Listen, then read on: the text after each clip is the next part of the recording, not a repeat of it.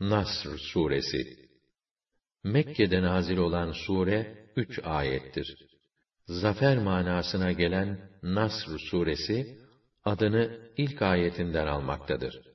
Bismillahirrahmanirrahim Rahman ve Rahim olan Allah'ın adıyla.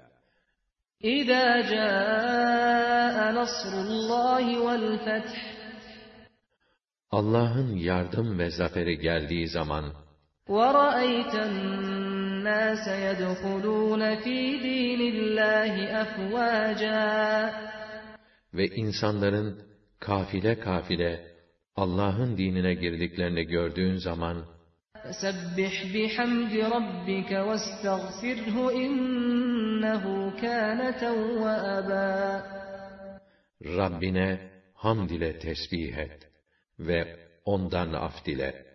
Çünkü o tevvaptır, tövbeleri çok kabul eder.''